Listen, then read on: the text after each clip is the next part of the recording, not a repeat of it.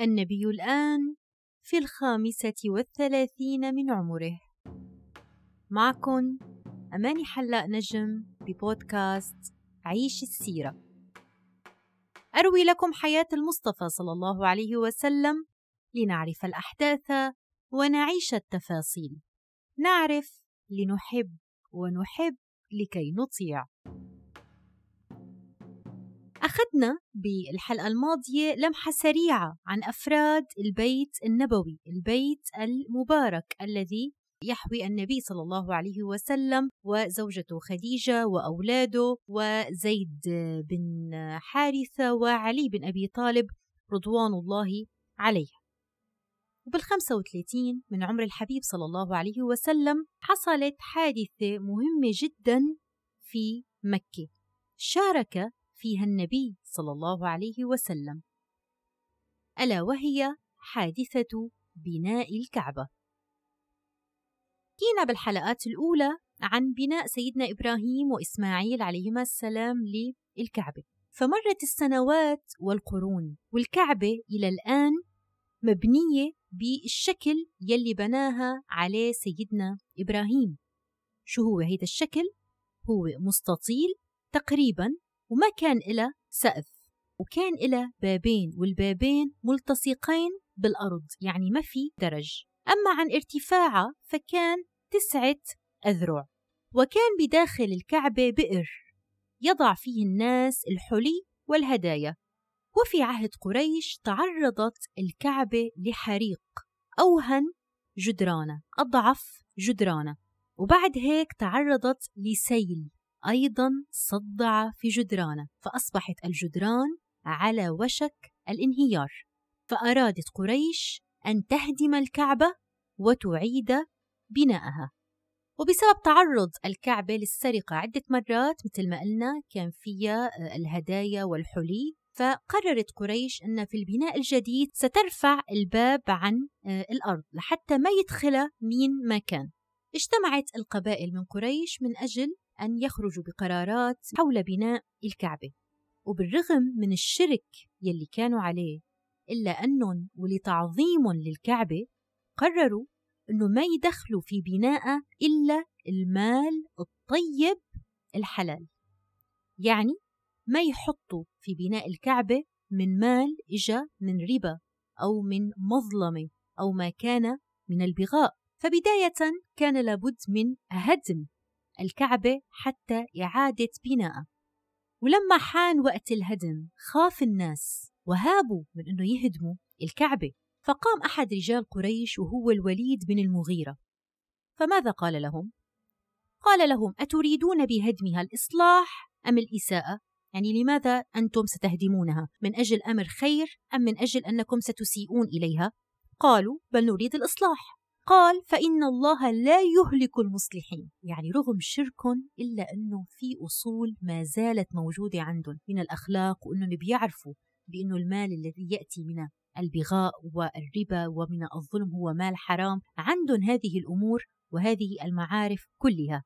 فحتى يشجعهم الوليد على الأمر تقدم هو وبدأ هو بالهدم. ومع ذلك خافوا وما قربوا وساعدوه في الهدم مباشرة بل انتظروا لليوم التالي لحتى يشوفوا الوليد رح يصير له شيء ولا ما رح يصير له شيء فلما أصبحوا تاني يوم وجاء الوليد لحتى يكمل عمله بالهدم تشجع الناس وبدأوا يهدمون معه. فقامت جميع القبائل بالمشاركة في بناء الكعبة وفي نقل الحجارة. ومن بيناتهم طبعا النبي صلى الله عليه وسلم مثل ما قلنا يلي كان يشارك قومه في كل أمور المهمة. فكان صلى الله عليه وسلم ينقل الحجارة. وذات يوم قال له عمه العباس اجعل إزارك على رقبتك يقيك الحجارة.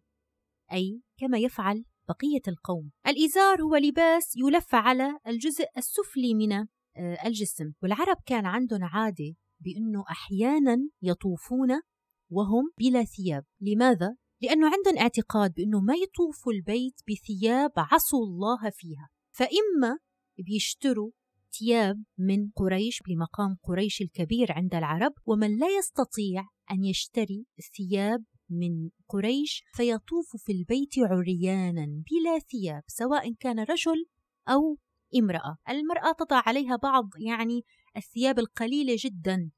فهذا كان أمر عادي بالنسبة له لم يكن بالأمر المستهجن. وكما قلنا سابقا بأن النبي عليه الصلاة والسلام حفظه الله من الوقوع في المعاصي وفي الأمور التي تقدح في مرتبته صلى الله عليه وسلم. فعندما قال له عمه العباس بأن يكشف إزاره ويضعه على رقبته فعل النبي كما قال العباس. فانكشفت عورة النبي عليه الصلاة والسلام فهنا من حفظ الله له خر النبي ساقطا يعني أخشي عليه بمعنى أغمي عليه. ثم نادى صلى الله عليه وسلم إزاري إزاري. فستر صلى الله عليه وسلم عورته ولم تنكشف بعد ذلك أبدا. وهذا الأمر هو من حفظ الله لنبيه مثل ما حكينا سابقا. أما عن شراء آه، مواد البناء فكان البحر قد رمى بسفينة إلى جدة. جدة هي يعني مدينة قريبة من مكة. وكانت هيدي السفينة لرجل من تجار الروم. فاشترى رجال قريش خشب هذه السفينة وأعدوه لسقف الكعبة لحتى يعملوا السقف من هذا الخشب. فمثل ما قلنا ببناء آه، سيدنا إبراهيم ما كان الكعبة ما كان إلى سقف. أما هذه المرة فقررت قريش أن تجعل لها سقفا. ولما وصلوا للبناء قرروا أنه يقسموا الكعبة إلى أربعة أرباع. وأن تشترك جميع القبائل في البناء فهو أمر ذو شرف كبير. وكانت الكعبة مثل ما قلنا تسعة أذرع فزادوا فيها تسعة أذرع فصار ارتفاعها بدل من تسعة صار ثمانية عشر ذراعا. ورفعوا بابها من الأرض يعني لم يعد الباب ملتصق بالأرض بل صار هناك درج ثم بعد ذلك الباب. ولكن مال الحلال لم يكفي لبناء الكعبة كلها. فماذا فعلوا؟ أخرجوا منها حجر إسماعيل عليه السلام. هيدا الحجر يلي منشوفه إلى اليوم وهو عبارة عن نصف دائرة قريب من الكعبة. هذا الحجر هو لازم يكون داخل الكعبة ولكن ما كفت أموال يعمروا هي المنطقة الباقية. فأخرجوا الحجر من الكعبة. وبهيك تغير شكل الكعبة بدل ما كان مستطيل صار مربع. ولما وصلوا بالبنيان إلى وضع الحجر الأسود اختصموا. فإذا في البنيان الكل شارك أما في وضع الحجر الأسود وهو أشرف ما في الكعبة فهنا اختصموا. كل قبيلة تريد أن ترفعه إلى موضعه حتى أنهم استعدوا للقتال وتنازعوا أربع أو خمس ليالي. ولكن بعد هيك اجتمعوا بالمسجد الحرام لحتى يقرروا شو بدهم يعملوا. فكان هناك رجل مسن من آه، الحكماء. مشهور هذا الرجل بجوده وكرمه يعرف بزاد الركب. من هو هذا الرجل؟ هو أبو أمية بن المغيرة. هو بيكون والدة للسيدة أم سلمة زوجة النبي صلى الله عليه وسلم. فقال لهم أبو أمية يا معشر قريش اجعلوا بينكم فيما تختلفون فيه أول من يدخل من باب هذا المسجد يقضي بينكم. يعني قال لهم بأن يجعلوا أول رجل يدخل عليه من باب المسجد هو الحكم في هذا الأمر. فمن كان أول الداخلين؟ كان النبي صلى الله عليه وسلم. فقالوا هذا الأمين رضينا. فلما أخبروا للنبي عليه الصلاة والسلام بالخبر ماذا فعل صلى الله عليه وسلم بفطانته وبذكائه؟ أخذ صلى الله عليه وسلم ثوبا ففرشه على الأرض وأخذ بيديه الشريفتين الحجر الأسود ووضعه على الثوب ثم طلب من كل قبيلة أن تخرج رجلا واحدا فيشترك جميع الرجال بحمل هذا الثوب. فلما وصلوا بجانب المكان الذي يجب أن يوضع فيه الحجر الأسود أخذه النبي صلى الله عليه وسلم بيديه ووضعه مكانه. صلى الله عليه وسلم.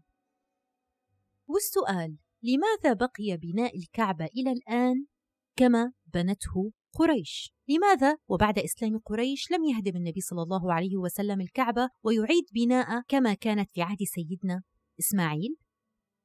تخبرنا عن ذلك السيدة عائشة رضي الله تعالى عنها فيما رواه البخاري ومسلم أن النبي صلى الله عليه وسلم قال لها: يا عائشة، لولا أن قومك حديثو عهد بشرك لهدمت الكعبة فألزقتها بالأرض وجعلت لها بابين بابا شرقيا وبابا غربيا وزدت فيها ستة أذرع من الحجر فإن قريشا اقتصرتها حيث بنت الكعبة. قريش دخلت في الإسلام في عام فتح مكة وكان ذلك بالعام الثامن للهجرة قبل وفاة النبي عليه الصلاة والسلام بسنتين. فالنبي عليه الصلاة والسلام فضل أن تبقى الكعبة كما هي على أن يهدمها فترتد قريش عن الإسلام لأنهم كانوا حديثي عهد بالإسلام. يعني بعد الإيمان ما ثبت بقلبهم بالشكل الكامل. فخاف صلى الله عليه وسلم أن هو فعل هذا الأمر أن ترتد قريش. عندما يجدونه يهدم الكعبة خاف صلى الله عليه وسلم أن ترتد وتعود إلى الشرك.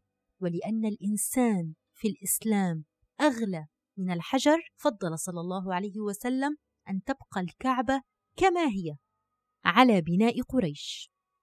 وسبحان الله وبالرغم من هدم الكعبة بعد ذلك عدة مرات في التاريخ الإسلامي إلا أنها بقيت على البناء الذي بنته قريش. وقفتنا اليوم بعنوان كيس فطن.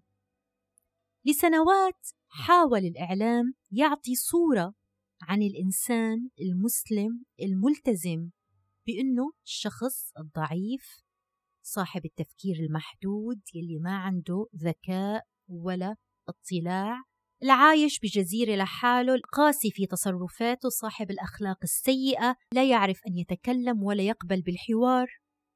ولكن ومع سردنا لسيرة الحبيب صلى الله عليه وسلم وكل ما تعمقنا أكثر بصفات الحبيب صلى الله عليه وسلم نجد أننا أمام الملهم القدوة يلي أمرنا الله سبحانه وتعالى باتباعه. رجل اجتماعي ذو شخصية قوية لها تواجد لا تعيش على الهامش إنسان عايش بهموم قومه عنده من الذكاء ما يلفت الانتباه إليه.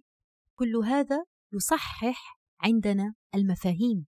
نعم الإنسان المسلم ليس كما يصور لنا في الإعلام. وشخصية النبي عليه الصلاة والسلام تثبت لنا إنه بالإمكان إنك تكون ذكي وصادق وصاحب أخلاق ودين وإنه ما في تناقض بين الدين والذكاء والحكمة. لهيك ما تكون صورة الإنسان المسلم من الإعلام ومما يروج له الإعلام. خذ شخصية الإنسان المسلم الحقيقية من شخصية الحبيب صلى الله عليه وسلم. لهيك اقرأ السيرة حتى تعيشها. اقرأ السيرة لتطبقها في حياتك. ما الذي حدث بعد ذلك؟ هيدا يلي رح نتعرف عليه بإذن الله بالحلقات القادمة. شاركوا البودكاست مع أصدقائكم ومعارفكم وخليكن دايما على السمع وخليكن مع بودكاست. عيش السيرة.